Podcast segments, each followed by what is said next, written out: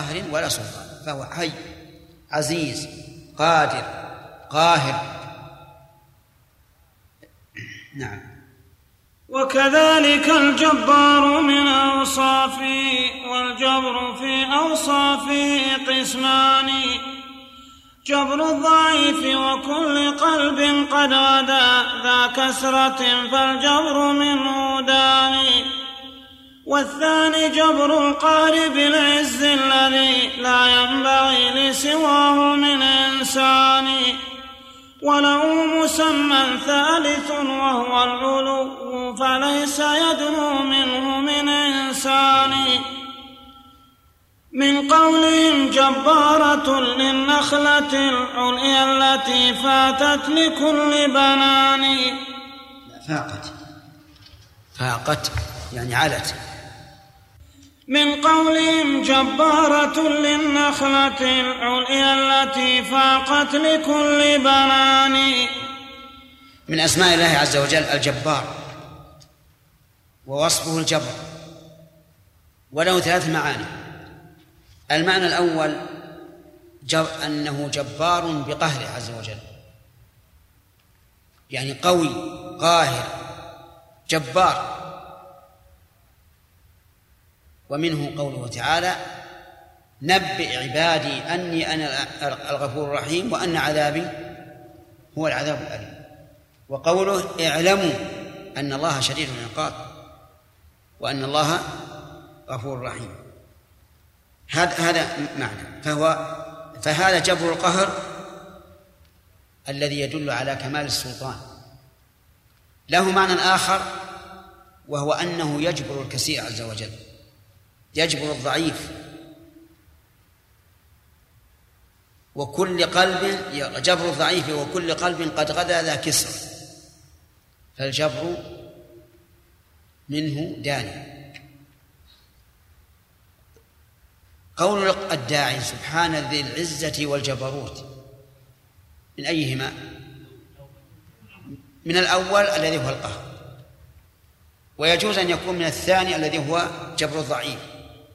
فيكون قد وصف الله بالعزة التي هي القهر والجبر الذي هو اللين وبالنسبة لنا الذي هو اللين واللطف وما أشبه ذلك. له مسمى ثالث وهو العلو. الجبار يعني العلي. ولما كان هذا المعنى خفيا ذكر ابن القيم رحمه الله وجه اشتقاقه فقال من قولهم جبارة للنخلة العليا. وما زال الناس يقولون هذا الفلاحون الآن يقولون هذه النخلة جبارة. يعني طويلة عالية. فصار الجبار يا محمود له ثلاث معاني. طيب. وهو الحسيب كفاية وحماية والحسب كافي العبد كل أواني. وهو الرشيد فقوله وفعله رشد وربك مرشد الحيران. وكلاهما حق فهذا وصفه والفعل للإرشاد ذاك الثاني. والعدل من أوصافه في فعله ومقاله والحكم بالميزان. فعلى الصراط المستقيم إلى هنا قولا وفعلا ذاك في القرآن. والحسيب. الحسيب فسره بقول كفاية وحماية. الحسيب الكافي الذي يحمي عبده. قال الله تعالى ومن يتوكل على الله فهو حسبه. وقال تعالى وكفى بالله حسيبا. وإذا كان هو الحسيب فإلى أي أحد يرجع الإنسان عند مهماته وملماته؟ إلى الله عز وجل. ولهذا قال ومن يتوكل على الله فهو حسبه عز وجل. هو أيضا الرشيد. الرشيد لا أعلمه من أسماء الله لكنه لا شك أنه من أوصافه لأن الرشد هو ضد السفه. ودليل, ودليل, ودليل, ودليل ذلك قوله تعالى وابتلوا اليتامى اليتامى. فإن آنستم منهم رشدا إيش؟ فادفعوا إليهم أموالهم. أي رشدا يعني سدادا. في بيعهم وشرائهم وتصرفهم. فلا شك أن الله تعالى رشيد. وأن الرشد له معنيان الأول أن قوله وأفعاله وأحكامه كلها رشد. والثاني أنه مرشد. مرشد الحيران. فيكون له معنى له معنيان الأول متعلق بوصفه والثاني متعلق بخلقه. فإذا قال قائل وهل فعيل تأتي بمعنى مفعل؟ الجواب نعم نعم. وسبق بيان ذلك حين تكلمنا على السميع. طيب. لا حين ذكرنا الشاهد من كلام العرب في قول الشاعر أمن ريحانة الداعي السميع إيش؟ يؤرقني وأصحاب الوجوه. وهو الرشيد فقوله وفعاله رشد وربك مرشد الحيران. هذا المعنى الثاني. مرشد الحيران كم من إنسان حيران يرشده الله عز وجل. لأنه إذا تحير الإنسان يكون كالمضطر. يسأل الله الهداية. والحيرة قد تكون حيرة في العلم وقد تكون حيرة في أمر محسوس. في العلم إذا رأيت نفسك متحيرا فالزم الاستغفار. إلزم الاستغفار. فإن الاستغفار مما يفتح الله به على العبد. قال الله تعالى إنا أنزلنا إليك كتابا بالحق لتحكم بين الناس بما أراك الله ولا تكن للخائنين خصيما واستغفر الله. إن الله كان غفورا رحيما. إذا تحيرت في مسألة من العلم قل اللهم يا مفهم سليمان فهمني ويا معلم إبراهيم علمني. والجأ إلى الله عز وجل يرشدك. كذلك الإرشاد إرشاد الحيران في الأمور الحسية. هذه أيضا يحتاج الإنسان إلى ربه عز وجل. أحيانا أنت في البر. وتشتبه عليك الطرق. دعونا من الطرق الموجودة الآن والحمد لله لكن هناك طرق في الفلات يتحير فيها الإنسان. يلجأ إلى الله عز وجل. واستمع إلى موسى عليه الصلاة والسلام. لما توجه تلقى مدين قال عسى ربي أن يهديني سواء السبيل. عسى أن يهديني ربي سواء السبيل. وكنا مع شيخنا في سنة من السنوات حجاجا. كان ذاك الوقت ليس فيه خطوط. فتهنا بعض الشيء فجعل يقول عسى أن يهديني ربي سواء السبيل. فهدينا إلى إلى الطريق. فأنت إذا تحيرت عليك بهذه الآية. عسى أن يهديني ربي سواء السبيل. فإذا قلتها مخلصا لله مفتقرا إليه هداك الله عز وجل. طيب يقول وكلاهما حق فهذا وصفه والفعل الإرشاد وصفه يعني أن الرشد أن أقواله وأفعاله وأحكامه كلها رشد. الفعل الإرشاد يعني إرشاده الخلق هذا من فعله لأنه يعني خلق كذلك العدل من أوصافه. ودليل ذلك أن العدل من أوصافه أن الله نفى الظلم عن نفسه. قال ولا يظلم ربك أحدا. وقال وما ربك بظلام للعبيد. لماذا؟ لكمال لكمال عدله عز وجل. من والعدل من أوصافه في فعله ومقاله والحكم بالميزان. هذا العدل أنه عز وجل لا يفرق بين المتماثلين بل بالميزان ولا يجمع بين المتفرقين لأنه لو كان كذلك لم يكن عدل. واعلم أن المتأخرين ابتلوا بكلمة يقولونها بدل العدل يقولون الدين الإسلامي دين المساواة. وهذا على إطلاق غير صحيح. الدين الإسلامي دين العدل. إن الله يأمر بالعدل والإحسان وإيتاء ذي القربى. نكمل إن شاء الله على هذا بعد الأذان.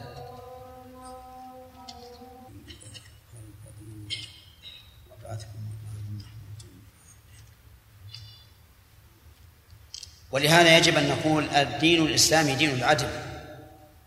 لا دين المساواة.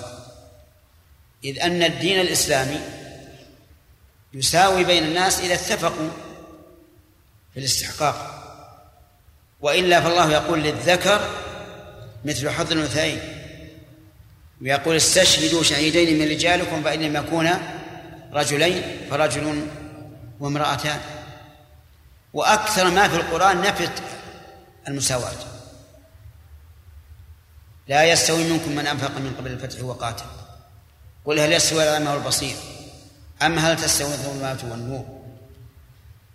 والآيات في هذا كثير.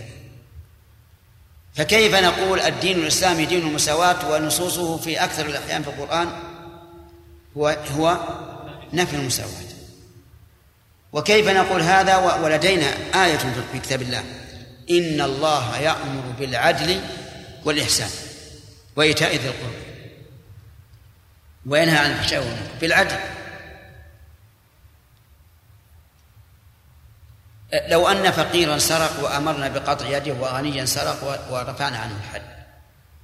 هل نقول الدين الإسلامي يقتضي قطع يد الغني لأنه دين المساواة؟ أو نقول الدين الإسلامي يقتضي قطع الغني قطع يد الغني لأنه دين العدل؟ الثاني لا شك. الثاني لا شك. لكن الناس ولا سيما الكتاب الذين غالب كتاباتهم أدبية لا ينتبهون لهذا الشيء. طيب العدل من أوصافه في فعله ومقاله وحكمه. للميزان هذا هو العدل. فعلى الصراط المستقيم إلى هنا قولا وفعلا ذاك في القرآن. أين القرآن؟ ما من دابة إلا هو آخذ من أصلتها. وش بعده؟ إن ربي على صراط مستقيم. نعم. هذا ومن أوصافه القدوس ذو التنزيه بالتعظيم للرحمن القدوس من أوصافه يعني مما دل على وصفه بالقدوسية. وإلا فالقدوس لا شك أنه من أسمائه. قال الله تعالى في سورة الحشر الملك القدوس. وما معنى القدوس؟ يقول رحمه الله هو ذو التنزيه يعني منزه عن كل نقص والتعظيم. فالقدوس هو المنزه عن كل نقص المعظم بأكمل التعظيم.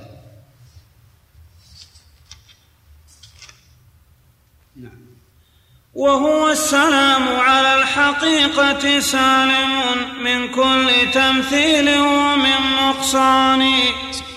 والسلام من أسمائه وكان الصحابة يقولون السلام على الله من عباده لأنها تحية. السلام بين الناس تحية فكانوا يقولون السلام على الله من عباده. السلام على جبريل السلام على ميكائيل السلام على فلان وفلان. فقال النبي صلى الله عليه وعلى آله وسلم لا تقول السلام على الله من عباده. لأن السلام إنما يدعى به لمن يحتمل أن ان ينال بسوء وينقص. فقال لا تقول السلام على الله فإن الله هو السلام. وكان قد علمهم ماذا يحيون الله به في قوله التحيات لله. إذن هو السلام من كل تمثيل ونقص. فهو لا يماثل المخلوقين ولا تنقص صفاته الكاملة أبدا. نعم.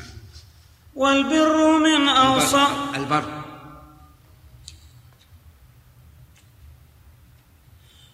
والبر من أوصافه في أوصاف.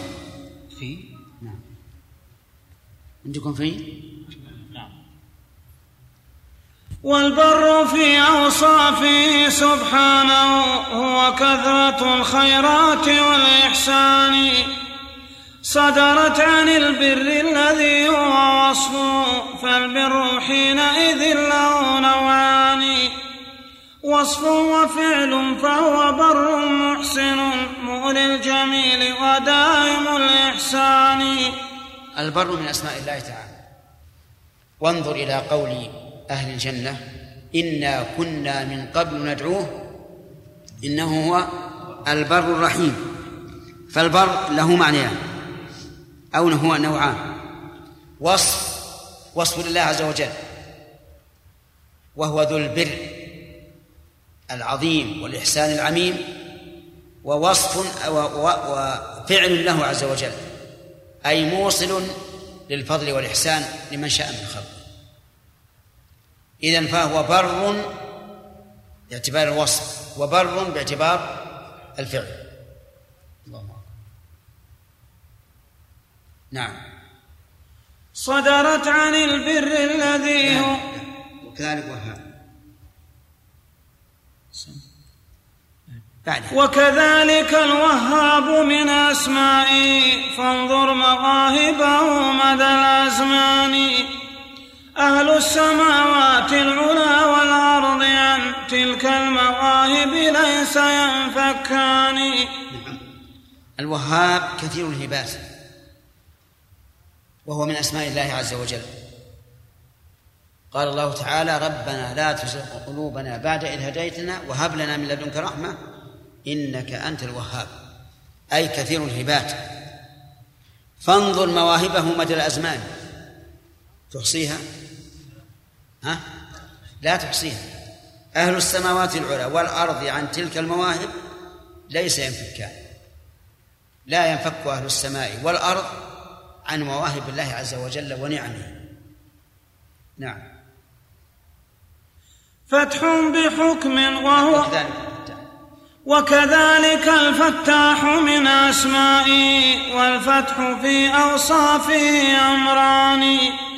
فتح بحكم وهو شرع إلهنا والفتح بالأقدار فتح ثاني. والرب فتاح بذين كليهما عدلا وإحسانا من الرحمن. نعم. الفتاح من أسماء الله عز وجل. كما قال الله تعالى وهو الفتاح العليم. الفتح ذكرناه نوعان. فتح بالشرع وفتح بالقدر. الفتح بالشرع ما يفتحه الله تعالى على عباده من العلم النافع الذي لا منتهى له حيث يبلغه العبد. ولهذا قال فتح بحكم وهو شرع إلهنا. الثاني فتح بقدر الفتح القدري ومنه قوله تعالى ربنا افتح بيننا وبين وبين قومنا بالحق. ومنه قوله تعالى إنا فتحنا لك فتحا مبينا. هذا فتح به الشرع ولا ولا قدر؟ قدر. إذا فالله تعالى فتاح بهذا وهذا. فاسأل ربك الفتح. قل اللهم افتح لي. وإذا خرج الإنسان إذا دخل الإنسان المسجد قال اللهم افتح لي أبواب رحمتك. وإذا خرج قال اللهم افتح لي أبواب فضلك نعم.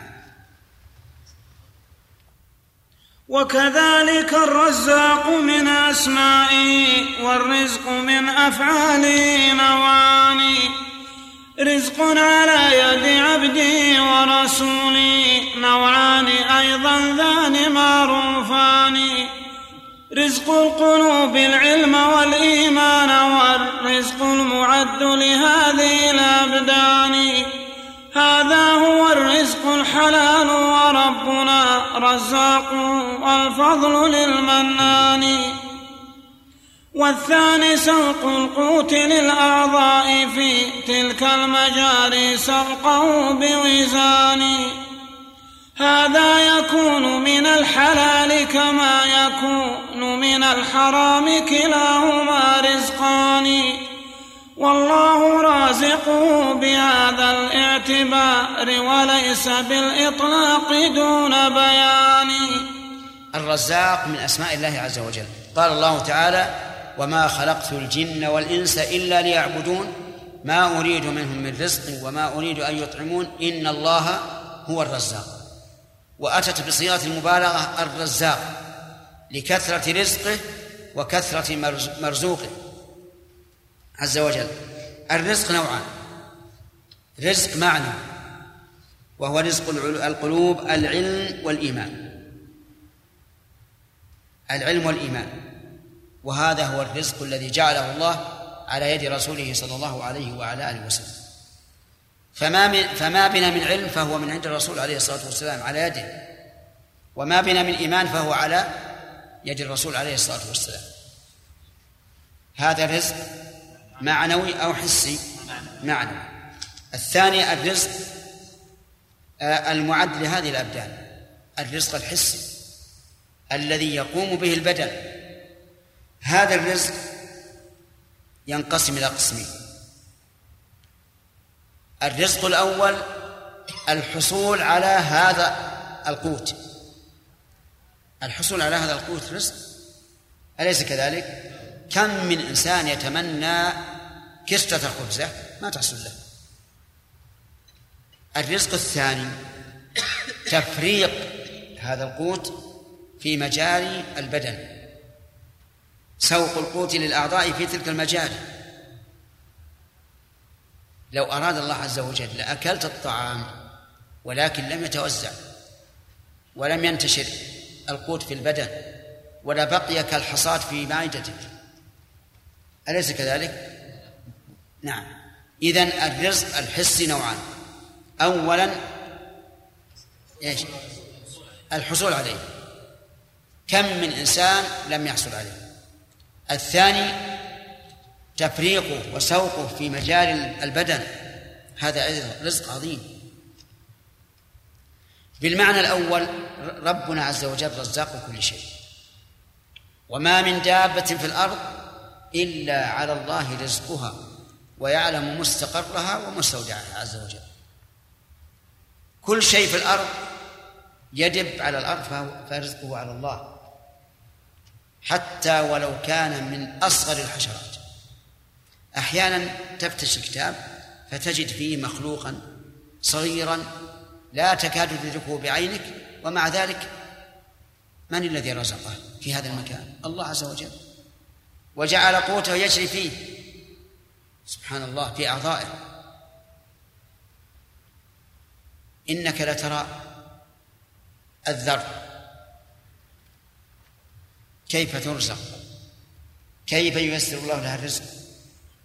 وذكر ابن القيم رحمه الله في كتابه آه، عن شيخه رحمه الله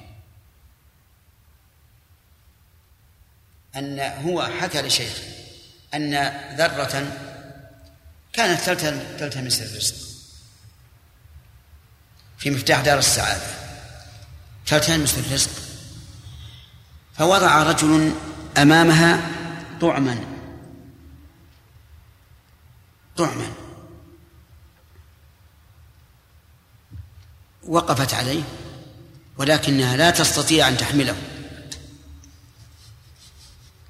فذهبت إلى أخواتها في جحرها ودعتهن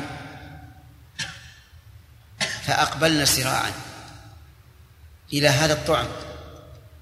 فلما أقبلنه أقبلنا إليه نزعه الرجل نزعه جاءت المسكينة الأولى. تطلب تبحث تبحث ما وجدت. الآن رجعنا إلى الجحر ما ما ما وجدنا شيء. أما هذه فبقيت. لم تيأس. من هي؟ الأولى. فوضع الطعم.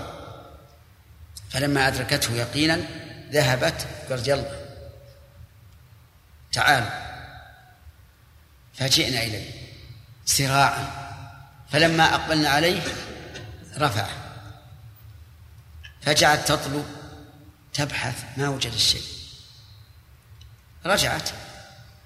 أخواتها رجعت إلى الجحر وبقيت هي لم تيأس فوضع الطعم للمرة الثالثة. فأدركته تماما وذهبت إلى صاحباتها. وقالت هلم. فجئنا للمرة الثالثة. فلما أقبلنا رفعه.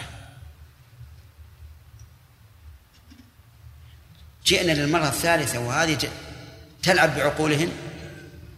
ما وجدنا شيء.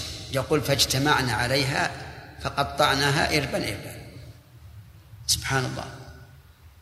يقول حكيت هذا لشيخي شيخ الإسلام ابن تيمية قال سبحان الله كل أحد لا يقر الكذب ولا الظلم. وهذه كذبت عليهن لكن هي ما كذبت مسكينة لكن باعتبار أنه أنهن لم يجدن شيئا. وظلمتهن أخرجتهن من جحر وهي مستترات فيه وربما يكون برد. فالمهم أن الله تعالى رزاق كل شيء. ويحكون لنا حكايات عجيبة. من هذه الناحية. حتى إن حكى لي واحد أنه كان في سفر وكان حول منخفض من الأرض بئر تغطت فوجد يخرج منها ثعبان. ثعبان أعمى. فينتصب هكذا كالعود. فيقيض الله له طيرا ويقع عليه يحسب أنه عود. فيأكله ثعبان ثم يرجع. يقول أدركت هذا عدة أيام. سبحان الله. الله أكبر. الطيور كما قال الرسول عليه الصلاة والسلام لو أنكم توكلون على الله حق توكله لرزقكم كما يرزق الطير. تغدو خماصا في أول النهار. ما في بطونها شيء. وتروح في آخر النهار بطانا مملوءة البطون. فالمهم أن الله تعالى هو الرزاق. فإذا قال قائل الرزق الحسي هل هو الرزق الحلال أو يشمل الحلال والحرام؟ الجواب الثاني حتى رزق قطاع الطريق من رزق الله عز وجل. رزق أهل الربا من رزق الله رزق الكفار من رزق الله. ولهذا قال هذا يكون من الحلال كما يكون من الحرام كلاهما رزقان والله رازقه بهذا الاعتبار. أي باعتبار أنه أوصل إليه القوت وأجرى القوت في إيش؟ في أعضائه. نعم. فصل. هذا ومن أوصافه القيوم والقيوم في أوصافه أمران إحداهما القيوم قام بنفسه والكون قام به هما الأمران. فالأول فالأول استغناؤه عن غيره والفقر من كل إليه الثاني. من من أوصافه القيوم أي من؟ مما يدل على وصف القيومية اسمه القيوم. يعني القيوم لا شك أنه من أسماء الله. قال الله تعالى الله لا إله إلا هو الحي القيوم. القيوم له معنيان الأول القائم بنفسه. وهذا يستلزم غناه عن كل أحد عز وجل. هو يطعم ولا يطعم. وهو يعز ولا يحتاج إلى أحد يعزه. فهو قائم بنفسه في كل شيء. الثاني الكون قام به. كل الكون قام بالله عز وجل. قال الله تعالى ومن آياته أن تقوم السماء والأرض بأمره. كل الكون قام به جل وعلا. فهو القائم بنفسه القائم به غيره. وإن شئت فقل القائم بنفسه القائم على غيره. كما قال تعالى أفمن هو قائم على كل نفس بما كسبت يعني وهو الله كمن لا يقوم على أحد. فالأول ما هو الأول؟ قيامه بنفسه استغناؤه عن غيره. والثاني الفقر إليه الفقر من كل أي من كل الخلق إلى الله هو الثاني. فهم يا علي؟ وش معنى القيوم؟ له معنيان. القائم بنفسه عن مستغني عن خلقه. والثاني؟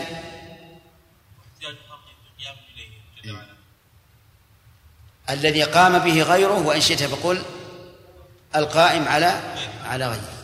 نعم.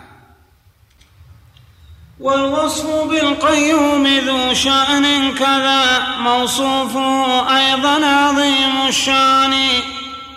والحي يتلوه فأوصاف الكمال هما لأفق سمائها قطبان. فالحي والقيوم لن تتخلف الأوصاف أصلا عنهما ببيان.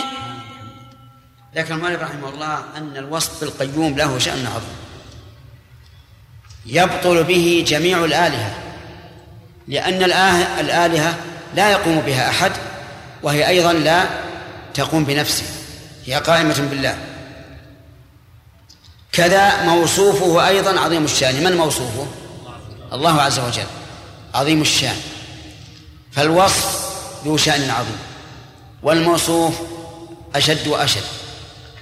الحي يتلوه يعني يتلوه ليس ترتيبا في القرآن بل يتلوه ذكرا في هذا النظم لقول الله تعالى الله لا إله إلا هو الحي القيوم. فأوصاف الكمال هما لأفق سمائها قطبان. يعني كل أوصاف الكمال تدور على هذين القطبين. كما أن نجوم الأفق تدور على إيش؟ قوموا يا جماعة قولوا على قطبين. قطب شمالي وقطب جنوبي. أوصاف الكمال كلها تدور على هذين القطبين الحي والقيوم. ولهذا قال فالحي والقيوم لن تتخلف الأوصاف أصلا عنهما ببيان.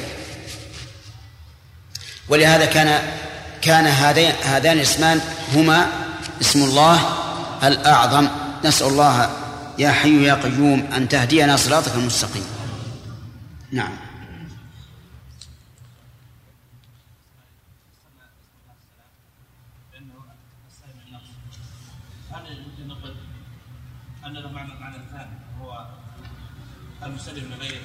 أي لا لا ما يستقيم لأن صفة السلام هذا صفة مشبهة ما تدعي.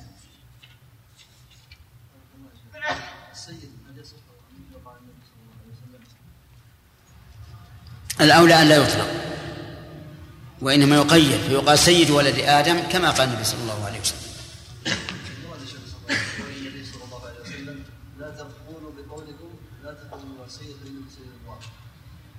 قولوا بقولكم أو بعض قولكم ولا يستهونكم الشيطان. يعني معناه أن الرسول خاف أن يجعلوا له السيادة المطلقة. وأما السيد على على البشر فلا شك في هذا.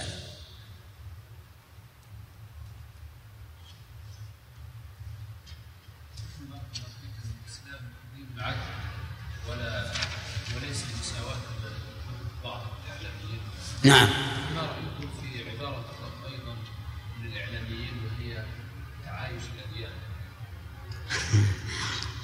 تعايش الأديان؟ لا. لا ما يجوز. هذا أقول هذا لا يجوز إلا إذا أرادوا.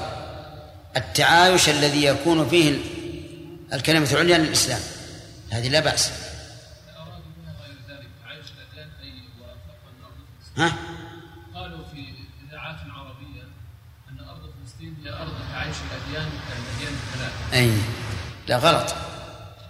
يعني إذا سلمنا بأن الأديان تتعايش فلا بد أن نقيد هذا بأن يكون الدين كله لله عز وجل. نعم. ما يكثر وقوعه في الكتابات أو الخطابات نعم. كقولهم السيد فلان أو أيها أيها السادة أو أيها الأسياد أو السيدات السادة نحو هذه هل هذا من الظاهر هذه مسلوبة المعنى. أن بس كلمة تبجيل فقط. مسلوبة المعنى. نعم. تسمية بعبد الرشيد. ما فيها بأس. تسمية بعبد الرشيد لا بأس فيها. ولو أن الرشيد ليس أي نعم لكن هو وصف نعم. هو قابض هو باسط هو خافض هو رافع بالعدل والميزان. وهو المعز لأهل طاعته وذا عز حقيقي بلا بطلان. وهو المذل لمن يشاء بذلة الدارين ذل شقى وذل هوان. هو مانع معط فهذا فضل والمنع عين العدل للمنان. يعطي برحمته ويمنع من يشاء بحكمة والله ذو سلطان. من أوصافه جل وعلا ما ذكره المؤلف. قابض باسط. قال الله تعالى الله يقبض الله يبسط الرزق لمن يشاء ويقدر. يبسط هذا هو باسط يعني موسع. وبهذا نعرف خطأ التعبير الذي يقول في الشيء اليسير يقول إنه بسيط. هذا غير صحيح. بسيط يعني واسع. فإذا أردت أن تقلل الشيء قل يسير قليل وما أشبه ذلك.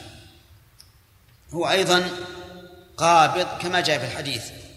إن الله هو القابض وهو أيضا خافض الراتع خافض بيده القسط عز وجل يخفضه ويرفعه.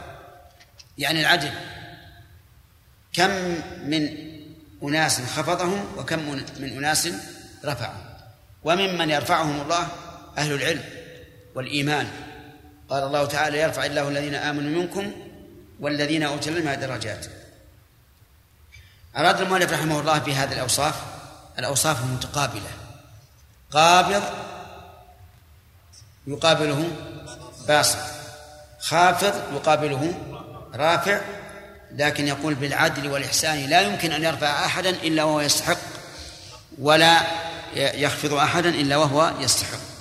وهو المعز وهو المذل. أيضا هذا مما يتقابل من الصفات المتقابلة. هو المعز. من يعز؟ يعز أهل طاعته. من الرسل وأتباعهم. انتهى الوقت. ونسأل الله أن يعزنا وإياكم بطاعته.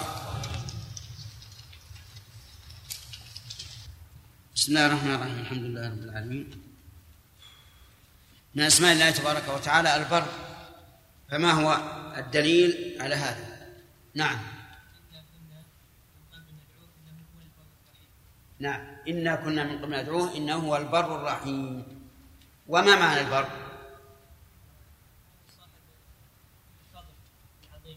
يعني كثير. كثير الفضل والإنعام. طيب. يقول المؤلف إن البر وصف وفعل. كيف ذلك؟ نعم.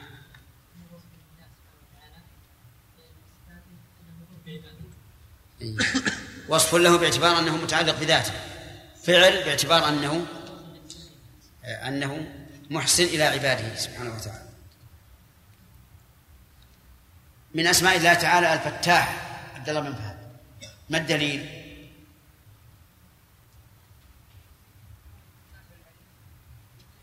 قل يجمع بيننا ربنا ثم يفتح بيننا بالحق وهو الفتاح العليم. أحسنت. ذكر المؤلف أن الفتاح نوعان أو آه، أمران. نعم. ما هو؟ المعنى. في العلم والإيمان. طيب.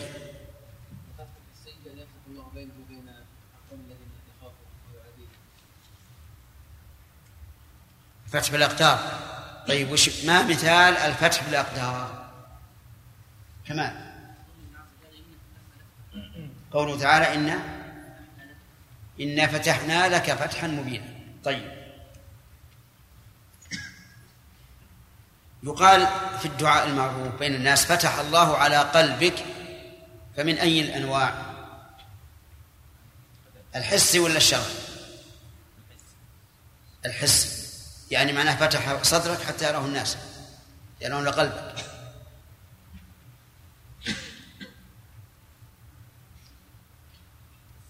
أجب لا بأس أن ترجع عن قولك إذا كان إذا لم يكن صحيحا. ها؟ أي. شرعي معنى. وش معنى فتح الله على قلبك؟ يعني الفتح ضد الإغلاق. يعني هداه وشرحه للإسلام وما أشبه ذلك.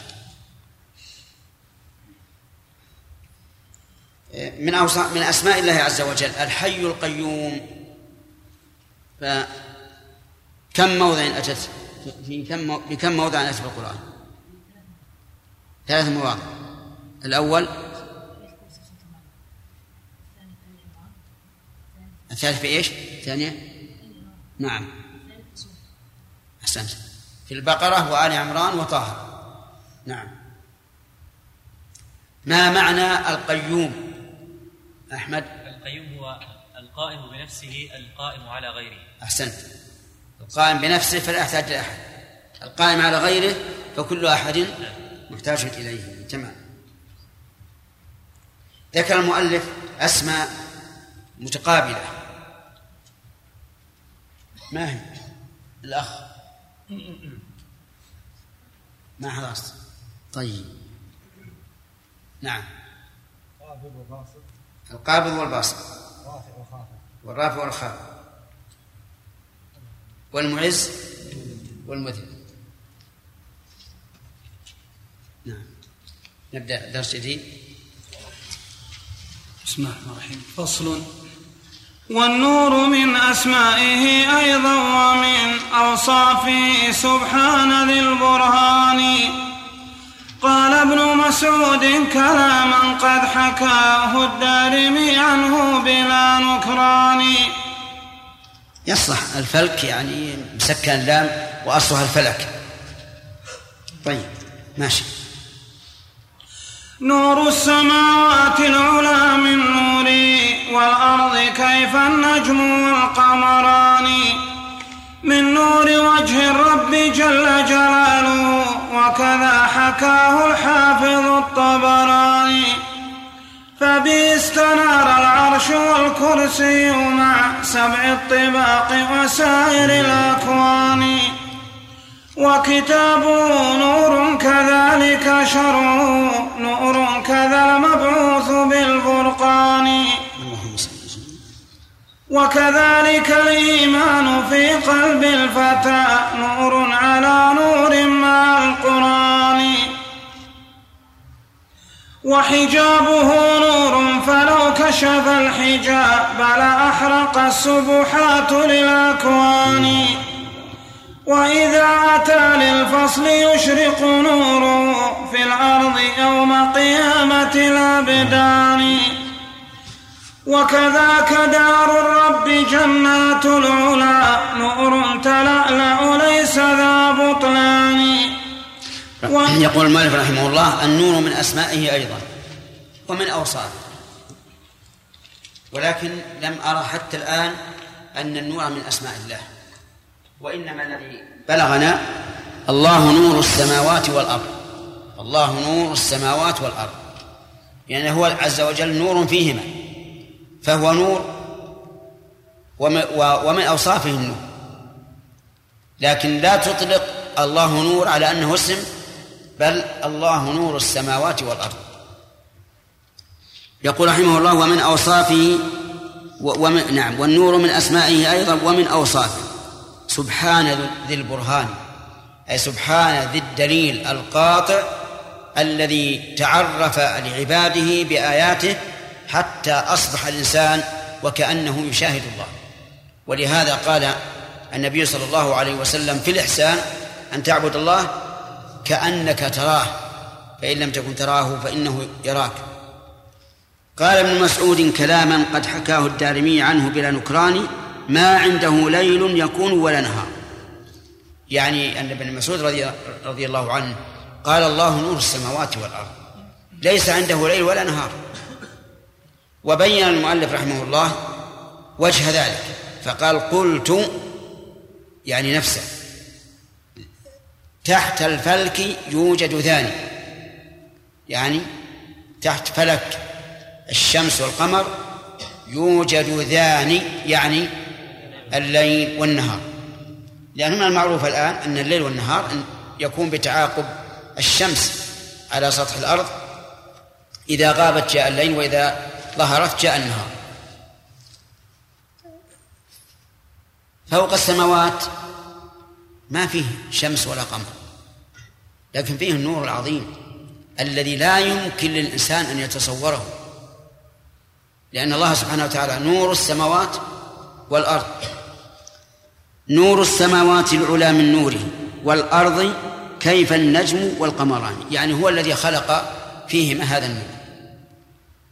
فنور السماوات والأرض من نور الله. نور الشمس والقمر من نور الله. ومن المعلوم أن نور القمر مستفاد من من نور الشمس.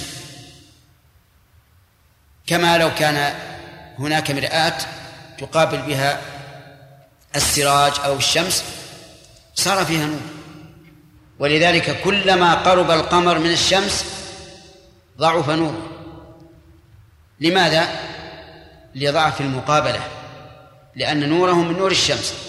فإذا تمت المقابلة صارت هذه في المشرق وهذا في المغرب أو بالعكس امتلأ القمر نورا. لأن السماوات مثل القبة. فالذي في طرفها مثلا من الجهة الغربية يقابل الذي في طرفها من جهة الشرقية. لكن عندما يقرب القمر من الشمس يضعف حتى إنه في ليلة المحاق كما يسمونها لا يوجد فيه نور أصلا. ومع ذلك نقول هذا النور الذي أودعه الله عز وجل في الشمس والقمر من نور الله عز وجل. لكنه ليس من نوره الذي هو وصفه بل هو من نوره الذي هو خلقه عز وجل. نعم. يقول من نور وجه الأرض وجه الرب جل جلاله. هذا كلام ابن مسعود. وكذا حكاه الحافظ الطبراني. يعني حكاه مع الدارمي.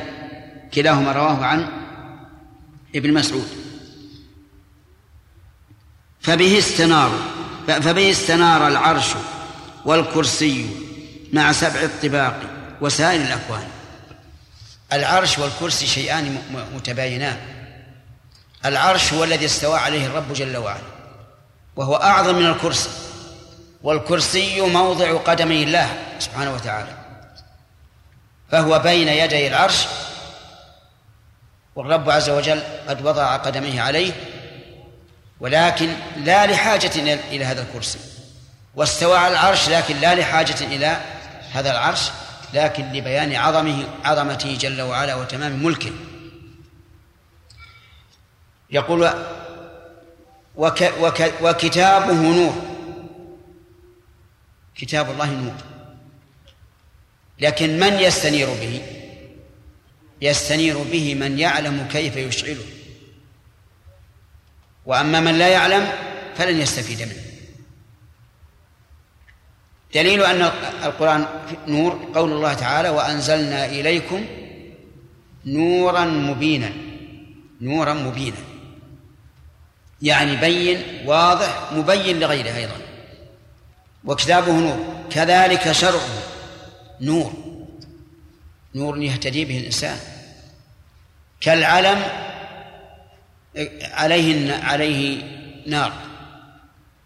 يستدل الناس بها. الشرع نور. يمشي به الإنسان. العلم بالشرع نور. قال الله تعالى أفمن كان ميتا فأحييناه وجعلنا له نورا يمشي به بالناس كمن مثله في الظلمات. يمشي به في الناس كمن مثله في الظلمات. نعم. كذلك نعم نور. كذا المبعوث بالفرقان. من المبعوث بالفرقان؟ الرسول صلى الله عليه وسلم. يسمى نورا لأن الله تعالى أنار به الطريق الموصل إليه. فالناس يستضيئون به. وقد قال كعب بن زهير إن الرسول لنور يستضاء به. نور ولا شك أن النبي صلى الله عليه وسلم نور. العلماء الوارثون للرسول عليه الصلاة والسلام هم أيضا أنوار يضيئون للناس كأن في أيديهم شعل يمشون أمام الناس والناس من ورائهم. المبعوث بالفرقان الفرقان ما هو؟ القرآن. سمي فرقانا لأن الله تعالى يفرق فيه بين الحق والباطل بين أولياء الله وأعداء الله بين الحلال والحرام بين الواجب وغير الواجب. هو فرقان في كل شيء. وحجابه نور حجاب الرب عز وجل الذي احتجب به. نور نور, نور عظيم. يحول بين الإنسان وبين رؤية الله الله وأعداء الله. بين الحلال والحرام بين الواجب وغير الواجب. هو فرقان في كل شيء. وحجابه نور حجاب الرب عز وجل الذي احتجب به. نور نور, نور عظيم. يحول بين الإنسان وبين رؤية الله. ولهذا لما سئل النبي صلى الله عليه وعلى آله وسلم هل رأيت الله؟ قال نور. أن أراه. يعني نور حجبني عنه. أن أراه. و وفي رواية رأيت نورا يعني ولم أرى الله لأن الله تعالى من وراء هذا النور. لكن لا تظن أن النور المذكور كالنور الذي يكون بالشمس. وأعظم ولا يمكن أن يدرك الإنسان كيفية هذا النور. فلو كشف الحجاب يعني لو كشف الرب عز وجل الحجاب بهذا النور لأحرق السبحات للأكوان. أحرق السبحات.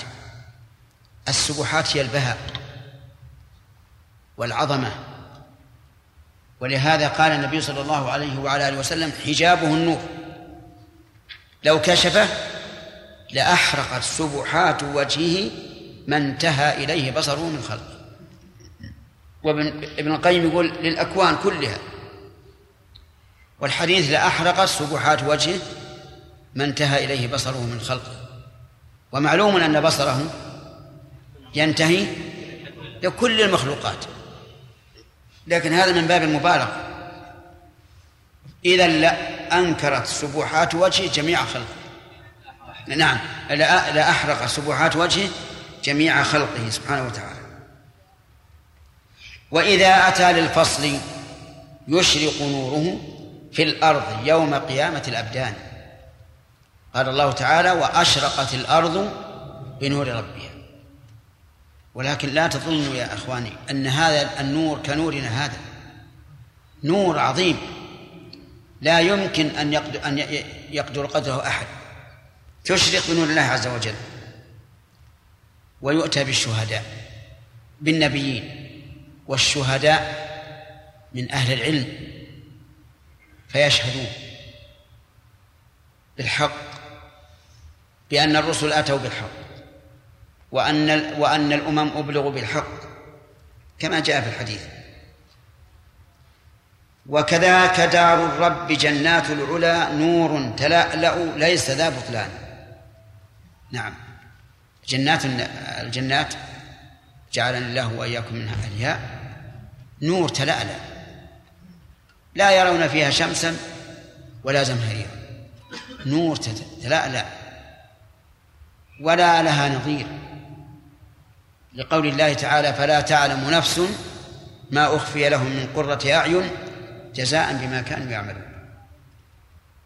وما بين الإنسان وهذه الجنات اللهم اجعلنا من أهلها إلا أن تنقضي الدنيا وتقوم القيامة. وهذه المدة وإن طالت كأن لم يلبثوا إلا ساعة من نهار. تمر سريعا لو هي آلاف الملايين. تمر سريعا. وإذا شئت أن تدرك هذا فانظر الإنسان حال النوم. ينام أربع ساعات خمس ساعات ست ساعات أكثر وكأنها إيش؟ كأنها لحظة. كأنها لحظة. الناس في قبورهم ممتعون بما يمتعهم الله به إن كان من الخير أو معذبون بما يعذبهم الله به. لكن تمر وكأنها لحظات قليلة. نعم. يقول وكذاك دار الرب جنات العلا نور تلألأ ليس ذا بطلان. أي ليس هذا الخبر بباطل بل هو حق. نعم. والنور ذو نوعين مخلوق ووصف ما هما والله متحدان. وك... النور نوعان. وصف يعني وصف يعني وصفا لله عز وجل. ومخلوق. يقول رحمه الله ما هما والله أقسم ما هما والله متحدان. خلافا لمن قال إن نور الله عز وجل الذي هو وصفه هو ما يشاهد. فإن هذا كذب. هذا النور المخلوق ليس هو النور الذي هو الوصف. النور الذي هو وصف الله غير مخلوق لأن كل صفات الله غير مخلوقة. لكن ما يشاهده الناس هذا مخلوق. نعم. وكذلك المخلوق ذو نوعين محسوس ومعقول هما شيان احذر. المخلوق نعم محسوس ومعقول. فما يكون في القلب من العلم والإيمان والطمأنينة هذا معقول أمر معنوي وما نشاهده من آه، من الإصباح في أول النهار هذا محسوس. نعم. احذر تزل فتحت رجلك عوة كم قد هوى فيها على الأزمان. من عابد بالجهل زلت رجله فهوى إلى قعر الحضيض الداني. لاحت له أنوار آثار العبادة ظنها الأنوار للرحمن. لاحت له ظنها الأنوار للرحمن. فأتى بكل مصيبة وبلية ما شئت من شطح ومن أذيان. وكذا الحليل وكذا الحلولي الذي هو خدنه من هنا حقا هما أخوان. ويقابل الرجلين ذو التعطيل والحجوب الكثيفة ما هما سيان ذا في كثافة طبعه وظلامه وبظلمة التعطيل هذا الثاني. والنور محجوب فلا هذا ولا هذا له من ظلمة يريان المؤلف رحمه الله حذر ممن استنار قلبه بالعبادة. ووجد النور. فظنه أنه نور أنه نور الخالق. وهذا يحصل عند أئمة الصوفية. يظنون أن النار أن النور الذي هو وصف الله هو النور هو النور الذي حل في قلوبهم. وعلى رأيهم تكون صفة تكون الصفة من صفات الله حالة في قلوبهم. يشبهون الحلولي الذي يقولون إن الله حال في كل شيء يشبهونه من هذا الوجه. ولهذا قال وكذا الحلولي الذي هو خدمه من ها هنا حقا هما أخوان. يقابل هؤلاء المعطل الذي لم يستنر قلبه بالعبادة والإيمان والعياذ بالله. لأن المعطل يعطل من لا صفات له من لا صفات له بل ولا وجود له في الحقيقة. لأنه لا يصف الله بأي صفة من الصفات. ويقول إن الله تعالى ليس فوق ولا تحت ولا يمين ولا يسار ولا مباين ولا متصل فهو في الحقيقة قد فقد النور من أصله. وهو كما نعلم إنه يعبد عدما. يقول ذا في كثافة طبعه وظلامه. يشير إلى الأول الذي زعم أن ما في قلبه من نور العبادة هو نور المعبود. والثاني بظلمة التعطيل هذا الثاني والنور محجوب عن هؤلاء وهؤلاء فلا هذا ولا هذا له من ظلمة يريان. يعني لا يرى النور الحقيقي لأن الأول أظلم قلبه بالحلول وهذا أظلم قلبه بالتعطيل. نعم. فصل. وهو المقدم والمؤخر ذلك الصفتان للأفعال تابعتان. وهما صفات الذات أيضا إذ هما بالذات لا بالغير قائمتان.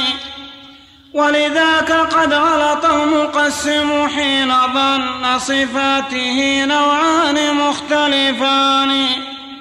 إذ إن لم يرد هذا ولكن قد أراد قيامها بالفعل ذي الإمكان.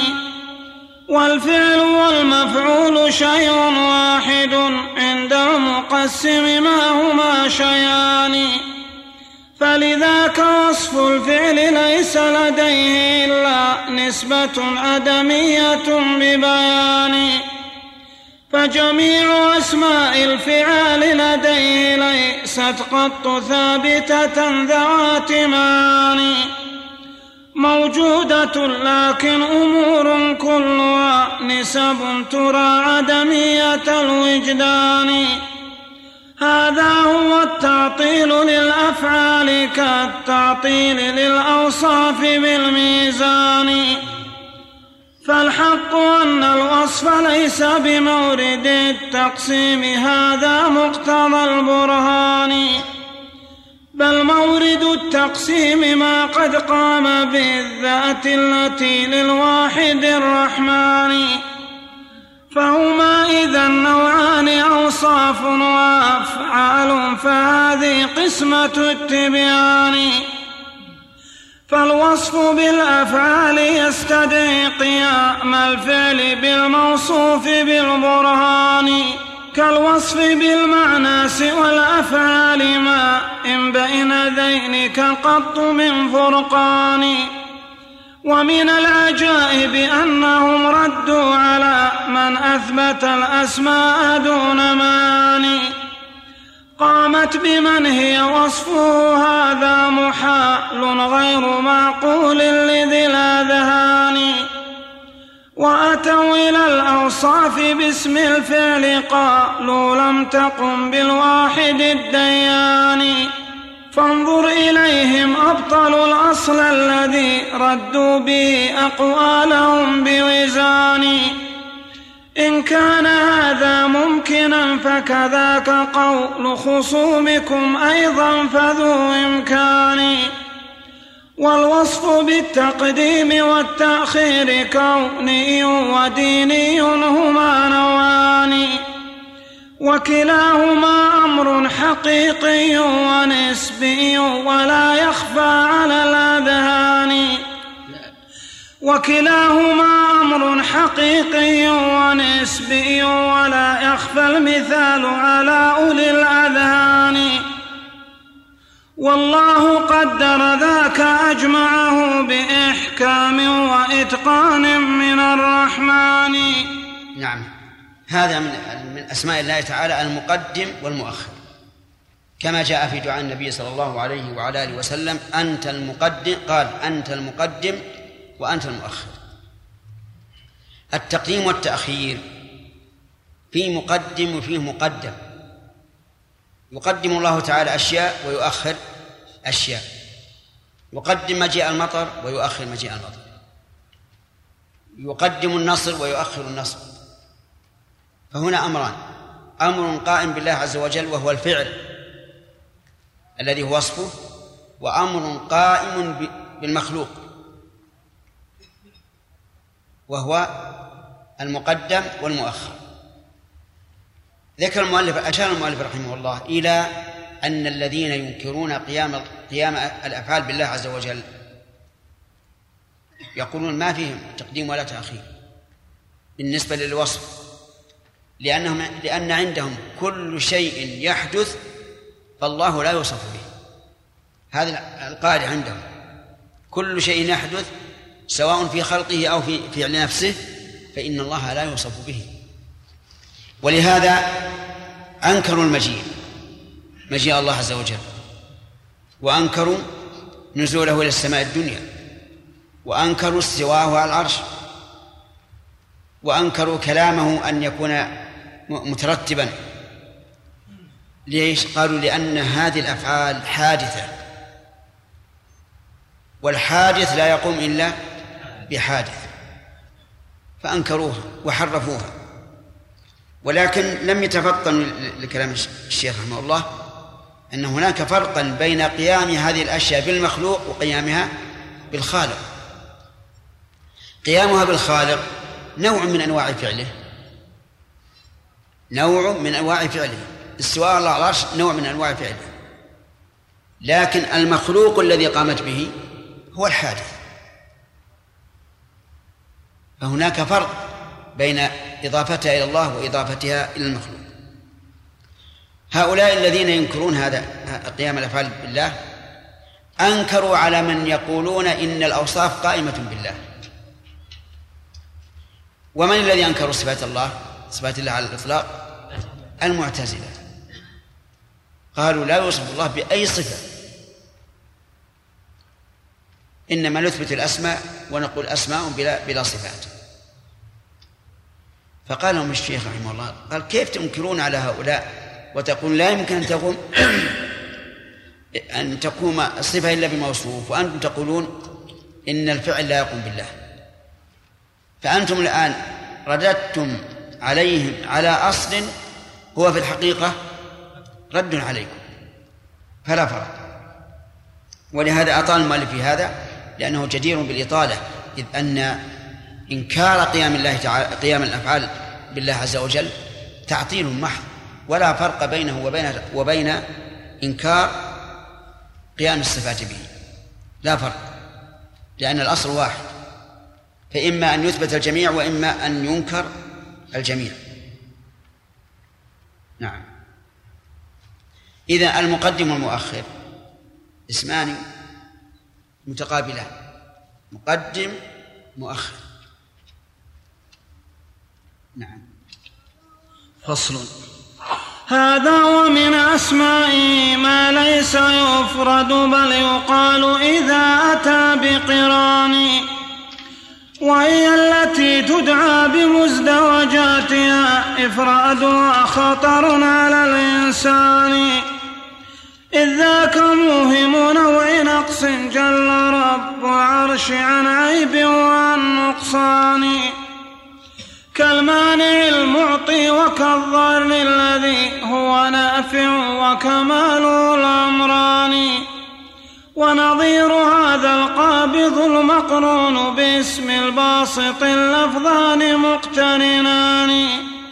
وكذا المعز مع المذل وخافض مع رافع اللفظان مزدوجان. وحديث إفراد اسم منتقم فموقوف كما قد قال ذو العرفان. ما جاء في القرآن غير مقيد بالمجرمين وجابذون نوعان هذه أسماء المزدوجة التي يقترن بعضها ببعض. كما قال ابن القيم رحمه الله في أسماء لا بد أن تقولها جميعا فإن أفردتها صار في ذا نقص. يقول هذا ومن أسمائه ما ليس يفرد بل يقال إذا أتى بقران أي بمقارنة للاسم الآخر. وهي التي تدعى بمزدوجاتها. مزدوجة. يعني بعضها يعني أن بعضها مع بعض. إفرادها خطر على الإنسان إذ ذاك موهم نوع نقص. لو أفردتها لكان يوهم النقص في الله عز وجل. كالمانع المعطي. المانع لو قلت إن الله مانع ولم تقيده. ما قلت إن الله مانع كذا فهذا يوهم النقص. أن من أسمائه المانع يعني وليس يعطي بل يمنع دائما. هذا مهم النقص. لكن قول المؤلف رحمه الله إفرادها خطر ليس على إطلاقه مراده إفراد ما يقتضي النقص منها. فمثل المعطي لو أفردناه. يجوز. قال النبي صلى الله عليه وعلى آله وسلم إنما أنا قاسم والله معطي. والله معطي. فإفرادها إذا أفرد ما يقتضي النقص فقط فهو خطر. وحينئذ نقول هذه إما أن تقال جميعا وإما أن يفرد منها ما يدل على الكمال. طيب. كالمانع المعطي وكالضار الذي هو نافع. يعني لا لا بد تقول الضار النافع إذا قلت الضار فقل النافع.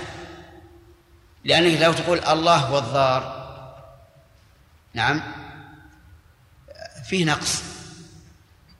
أنه لا يتصف عز وجل بالنافع. فلا بد أن تقول الضار النافع. قال الله عز عز وجل وإن يمسك الله بضر فلا كاشف له إلا هو. وإن يمسسك بخير فهو على كل شيء قدير. نعم. وكالضار الذي هو نافع وكماله الأمران. كمال الله عز وجل بالأمرين جميعا. وكذلك بأحدهما. أيهما؟ ها؟ ما دل على الكمال. ونظير هذا القابض المقرون باسم الباسط. اللفظان مقترنان. قابض باسط. ما تقول قابض؟ لأن القبض نقص. لكن تقول باسط أو لا؟ تقول. يقول آه وكذا المعز مع المذل. ما ما يعني لا تقل المذل وحده بل قل المعز المذل. إلا إذا إذا قيدته بشيء. مثل أن تقول المذل لأعدائه. نعم.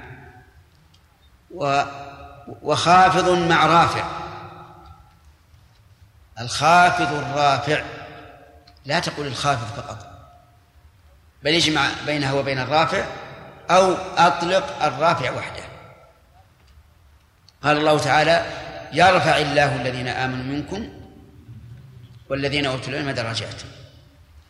وحديث إفراد اسم المن اسم منتقم فموقوف كما قد قال ذو العرفان ما جاء في القرآن غير مقيد بالمجرمين وجاء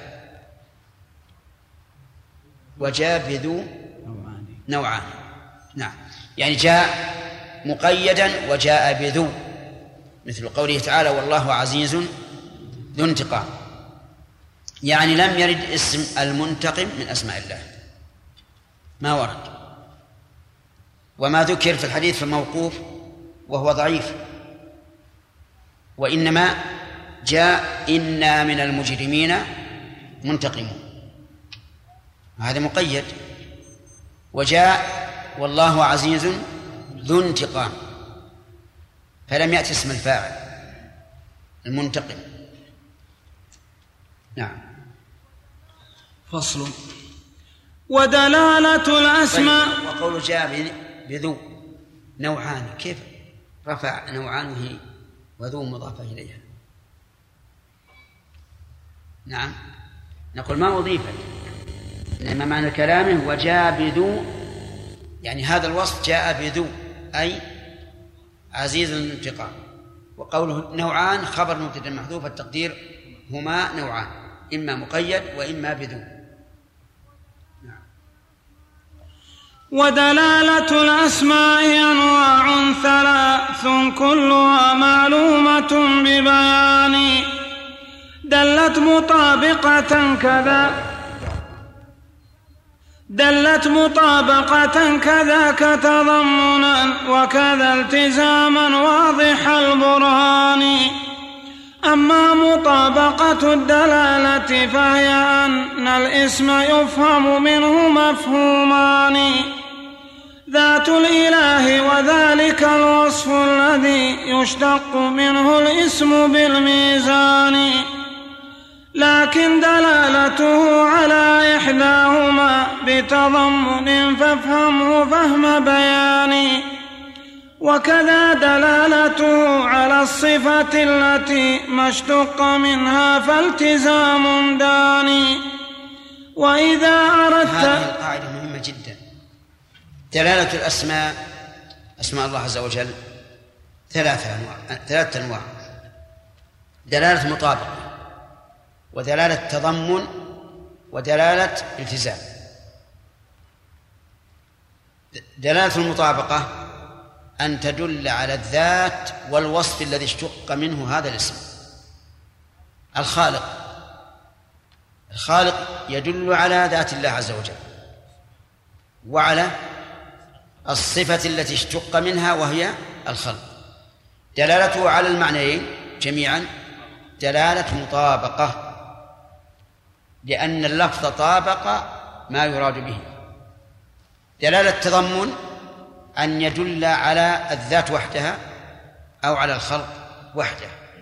هذا دلالة تضمن إذن دلالة اللفظ على جزئه يعتبر دلالة تضمن طيب دلالة الالتزام أن تدل على وصف آخر يلزم منه من ثبوت هذا الوصف يلزم من ثبوت هذا الوصف الخلق يلزم منه العلم والقدرة دلالة الخالق على العلم والقدرة من باب دلالة الالتزام نعم هل يسمى الله عز وجل بالقابض الباسط المساعد؟ ها؟ هل يسمى الله عز وجل بالقابض الباسط المساعد؟ لا بالوصف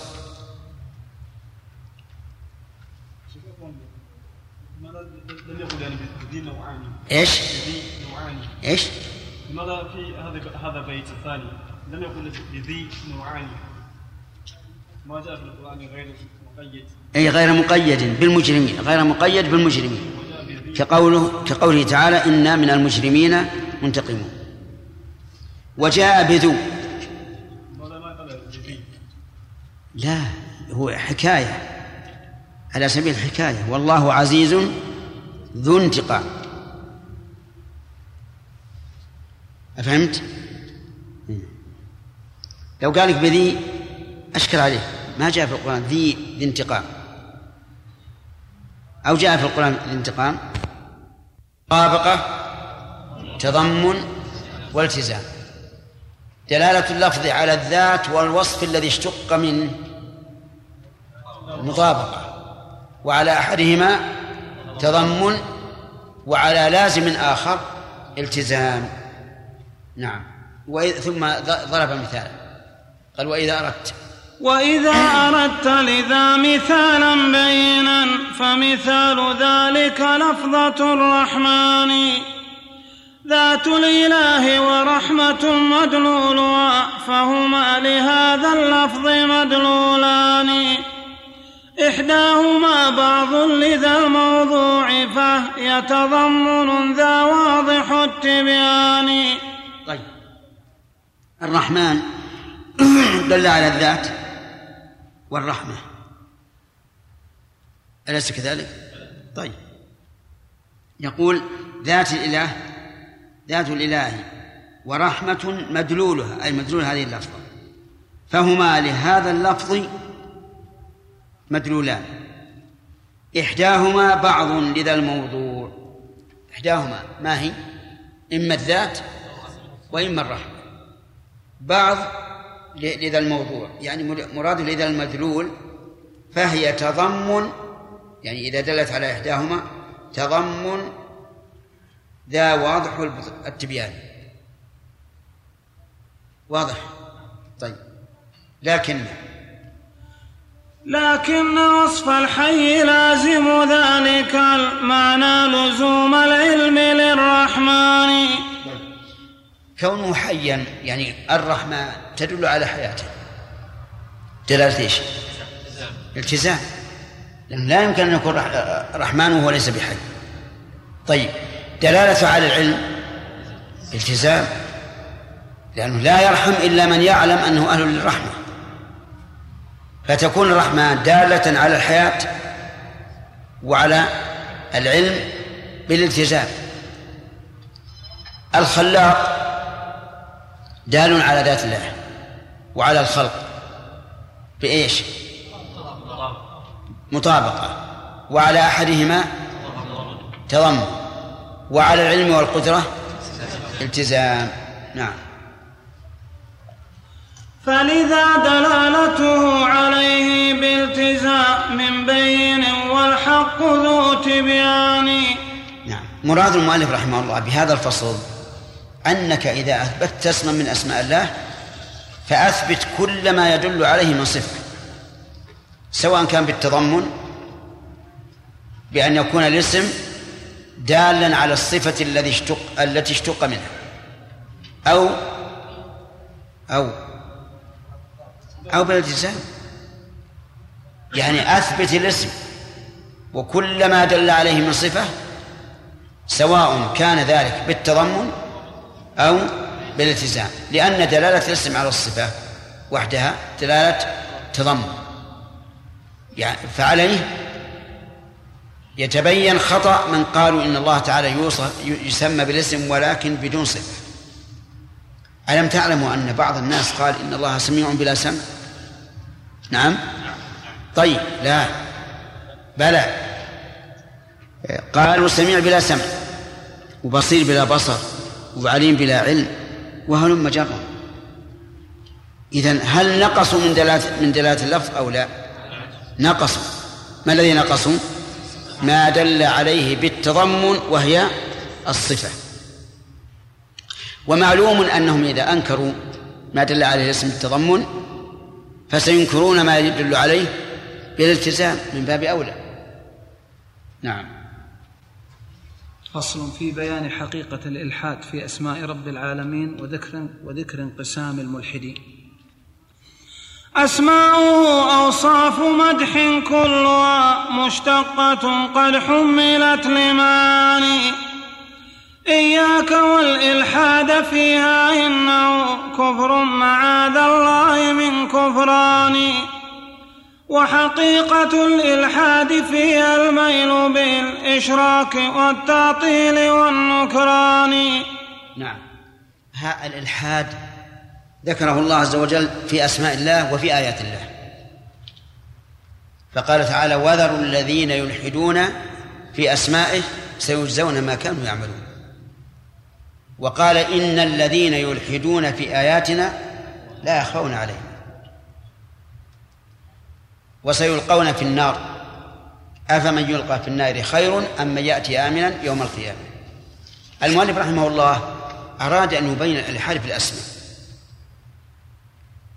وبين أنه كفر لكن هل هو كفر مخرج عن الملة أو هو كفر دون كفر؟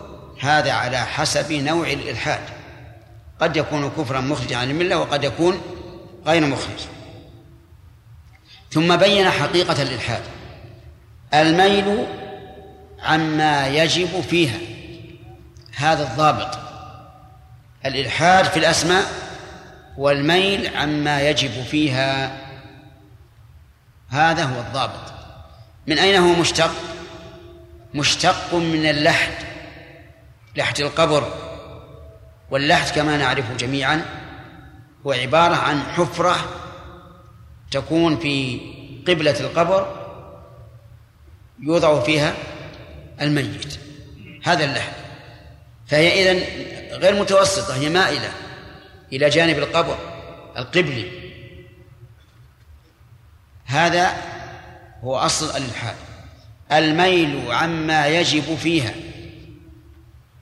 فمن قال إن الله عليم لكن لا علم له. ملحد. طيب. ومن قال إن الله أب وسمى الله الأب. ملحد ولا غير ملحد؟ ملحد. ملحد. فمن سماه بغير ما سمى به نفسه فهو ملحد ومن أنكر اسم من أسمائه فهو ملحد. نعم. المهم إذا قال ضابط إذا قال لك ما ضابط الإلحاد. فقل الميل عما يجب فيها لأن الاشتقاق يدل عليه إذ أنها مشتقة من اللحد أنت معنا؟ ها؟ وتعرف ما نقول؟ طيب. فالملحدون إذا ثلاث طوائف فعليهم غضب من الرحمن. المشركون لأنهم سموا بها أوثانهم قالوا إله ثاني هم شبهوا المخلوق بالخلاق عكس مشبه الخلاق بالإنسان. وكذاك وكذاك أهل الاتحاد فإنهم إخوانهم من أقرب الإخوان. أعطوا الوجود جميعه أسماءه إذ كان عين الله ذي السلطان. والمشركون أقل شركا منهم هم خصصوا ذا الإسم بالأوثان. ولذاك كانوا أهل شرك عندهم لو عمموا ما كان من كفران. عندنا المشركون. سموا بها أوثانا وقالوا إن هذا إله. الوثن. واشتقوا من أسمائه أسماء لها كاشتقاق اللات من الإله والعزى من العزيز. فشبهوا المخلوق بإيش؟ بالخالق. قالوا هذا إله. صنم. قالوا هذا إله. رفعوا المخلوق حتى جعل جعلوه بمنزلة الخالق. هذا إلحاد. إلحاد في, في أسماء الله. أهل أهل الاتحاد إخوانهم جعلوا كل شيء هو الله. قاتلهم الله. أن يؤفكون كل شيء هو الله. الإنسان الله. وبيته الذي يسكنه؟ الله.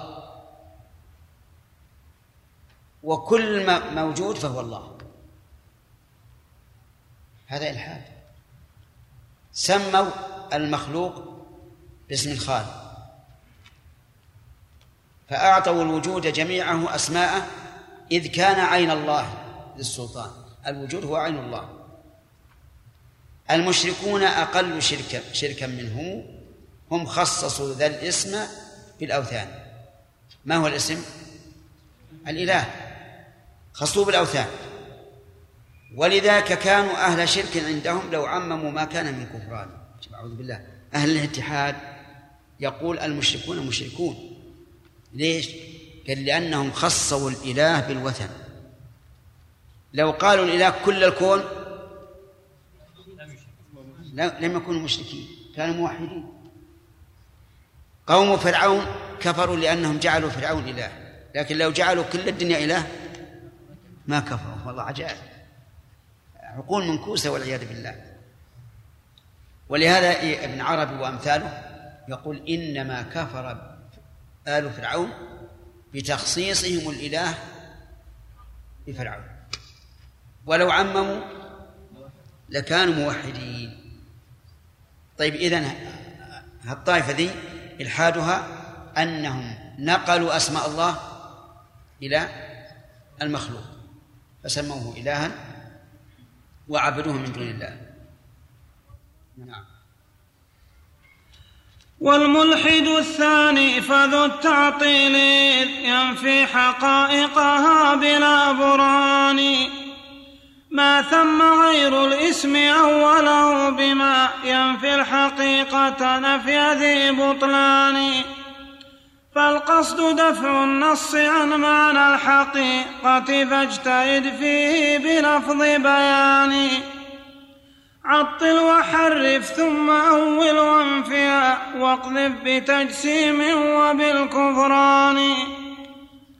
للمثبتين حقائق الأسماء والأوصاف بالأخبار والقرآن. فإذا هم احتجوا عليك فقل لهم هذا مجاز وهو وضع ثاني. فإذا غلبت على المجاز فقل لهم لا يستفاد حقيقة الإيقان. أنا وتلك أدلة لفظية عزلت عن الإيقان منذ زمان. فإذا تضافرت الأدلة كثرة وغلبت عن تقرير ذا ببيان فعليك حينئذ بقانون وضعناه لدفع أدلة القرآن. ولكل نص ليس يقبل أن يؤول بالمجاز ولا بمعنى ثاني. قل عارض المنقول معقول ولا الأمران عند العقل يتفقان. ما ثم إلا واحد من أربع متقابلات كلها بوزان. إعمال ذين وعكسه أو تلغي المعقول ما هذا بذي إمكان؟ العقل أصل النقل وهو أبوه إن تبطله يبطل فرع التحتاني فتعين الإعمال للمعقول والإلغاء للمنقول بالبرهان. إعماله يفضي إلى إلغائه فاهجره هجر الترك والنسيان. والله لم نكذب عليهم إننا وهم لدى الرحمن مختصمان.